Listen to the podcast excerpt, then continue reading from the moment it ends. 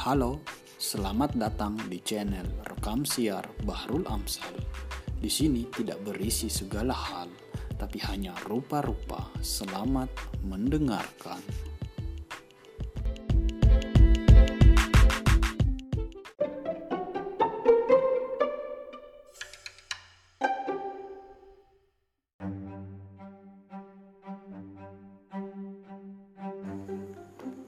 Bismillahirrahmanirrahim. Assalamualaikum warahmatullahi wabarakatuh. Rekan-rekan sekalian, pada kesempatan kali ini saya akan membacakan esai uh, berjudul Sastra, Filsafat, dan Seperti Politik Akal Sehat Harus Dibayar Tuntas. Esai ini uh, sudah dimuat di salah satu media online beberapa tahun yang lalu. Uh, konteks esai ini kalau saya masih ingat adalah uh, uh, lahir dari uh, situasi ketika terjadi uh, apa namanya polarisasi di dalam uh, uh, lapangan politik Indonesia.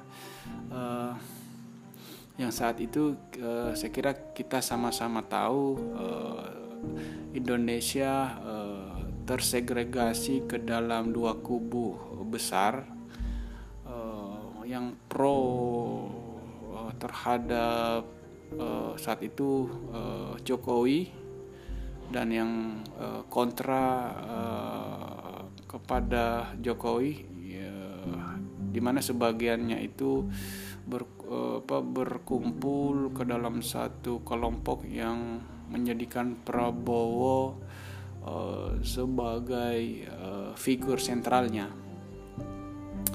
Uh, di luar dari konteks itu, uh, konteks yang lain adalah uh, dan ini yang menjadi uh, poin penting uh, uh, di dalam uh, esai saya uh, berkaitan dengan uh, uh, pentingnya uh, akal sehat pentingnya uh, satu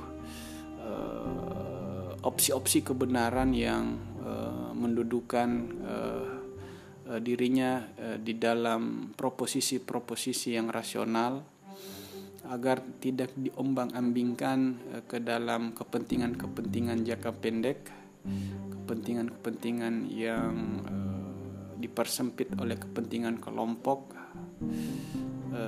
sehingga mengaburkan tujuan kita sebagai masyarakat Indonesia di dalam kehidupan berbangsa dan negara.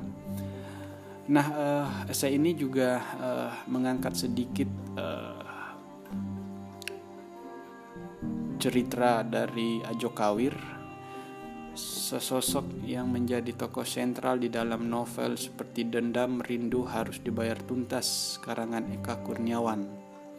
Nah, dari itu eh, saya merefleksikan situasi kebangsaan kita eh, sekaligus eh, ingin menyatakan suatu eh, suatu eh, pengertian bahwa eh, politik eh, biar bagaimanapun adalah suatu medan yang eh, mesti eh, berdiri di atas kaki-kaki akal sehat dia mesti berdiri dengan uh, menggunakan pertimbangan-pertimbangan uh, rasional. Uh, dia harus mementingkan kepentingan publik dibandingkan dengan uh, kepentingan kelompok. Nah uh, itu uh, pengantar uh, rekaman untuk kesempatan kali ini Langsung saja saya akan membacakan esai saya ini. Sastra, filsafat, dan seperti politik, akal sehat harus dibayar tuntas. Ignaz Kleden menyebutkan sastra di tingkatan tertentu melukiskan kecenderungan-kecenderungan utama dalam masyarakat. Dalam arti sadar tidak sadar, sengaja tidak sengaja, teks bisa saja mengungkapkan atau menutupi kecenderungan yang sedang marak di masyarakat. Bahkan di sebuah cerita disebutkan Ignaz Kleden Bahkan sebuah cerita disebutkan Ignaz Kleden bisa saja menggambarkan situasi kejiwaan seorang individu yang sekaligus menjadi metafor bagi keadaan masyarakat secara luas. Ajo Kawir dalam novel seperti Dendam Rindu Harus Dibayar Tuntas karangan Eka Kurniawan misalnya adalah personifikasi ketakutan masyarakat yang mengalami impotensi terhadap rezim pemerintahan yang totaliter. Lenyapnya akal sehat tanda petik masyarakat di hadapan negara ditandai dari tanda petik mati rasanya kemaluan Ajo Kawir pasca menyaksikan pemerkosaan dua orang polisi terhadap seorang perempuan gila. Secara olok-olok, jika bukan metafor, tokoh polisi memerkosa perempuan gila bernama Rona Merah di awal-awal novel itu mengandaikan suatu pemaknaan yang kurang lebih sama dengan kecenderungan umum negara memperlakukan warganya sebagai the others bisa disinyalir pula nama Rona Merah dalam novel ini merupakan kata ganti yang dipakai Eka demi melukis, melukiskan sikap negara terhadap komunisme. Ambivalen, intimidatif, semena-mena, dan mengolok-olok. Sebagai perempuan, Rona Merah juga memeragakan posisi perempuan dari laki-laki dalam struktur kekuasaan masyarakat patriarkis dari sini, melalui perempuan gila, Eka seolah-olah mendengungkan kembali analisis Michel Foucault tentang kecenderungan negara dalam memperlakukan warganya berdasarkan tilikan episteme yang disepakati negara. Ihwal ini yang menjadi dasar mengapa dalam novel ini Rona Merah menjadi warga asing dan diasingkan dari lingkungan sehari-hari persis seperti Foucault menerangkan relasi pengetahuan dengan disiplin atas tubuh dalam jaringan kekuasaan negara. Bila mengikuti keseluruhan cerita seperti dendamnya Eka, yang paling terang ditemukan adalah usaha Ajo Kawir dalam membangkitkan kembali burungnya. Beragam cara sudah dilakukan Ajo Kawir, mulai dari memajang poster perempuan seksi di kamar mandi terapi lebah, mendatangi pelacur hingga menggosokkan cabai rawit di dalam kemaluannya. Namun nahas burung ajo kawir tetap saja sulit ngaceng, mati suri. Maka menarik mencermati tingkah jenaka ajo kawir yang lama kelamaan mengambil jarak dari burungnya. Penjarakan ini sekaligus memberi peluang ajo kawir memberlakukan burungnya sebagai subjek mandiri. Itulah sebabnya Ajo Kawir menganggap burungnya sebagai kawan yang layak diajak berbicara. Dalam beberapa kesempatan, walaupun ia sudah tahu tidak akan bersuara, Ajo Kawir sering mengajak burungnya berdialog. Tanpa disadari, proses itu menjadi cara Ajo Kawir mengatasi inhibisi yang dialami dirinya. Tak dinyana, burungnya yang impoten menyebabkan dirinya mengalami lonjakan spiritualitas sampai ia menjadi orang laiknya sufi. Sulit menolak untuk dikatakan bahwa novel seperti Dendam Rindu Harus Dibayar Tuntas masih relevan untuk membicarakan konteks masyarakat Kiwari. Suasana yang terbangun dalam novel ini seolah-olah berserdawa di tengah alam politik kebangsaan belakangan ini. Suasana teks dengan para pembaca dengan berhasil menjadi otonom bercerita tanpa sekadar menjadi inskripsi pengarang. Seolah-olah itu menjadi corong tempat mengasalkan suaranya. Itulah sebabnya teks yang telah berubah menjadi suasana di dalam dapat dilekatkan kepada keadaan kekinian terutama bagaimana politik ibarat keadaan psikologis Ajo Kawir yang mengalami berbagai kendala akibat kemaluan yang impoten. Selama 32 tahun alam demokrasi mengalami mati suri, persis seperti burung Ajo Kawir. Secara alegoris itu menunjukkan hilangnya akal sehat dalam kehidupan yang serba tenang dan damai.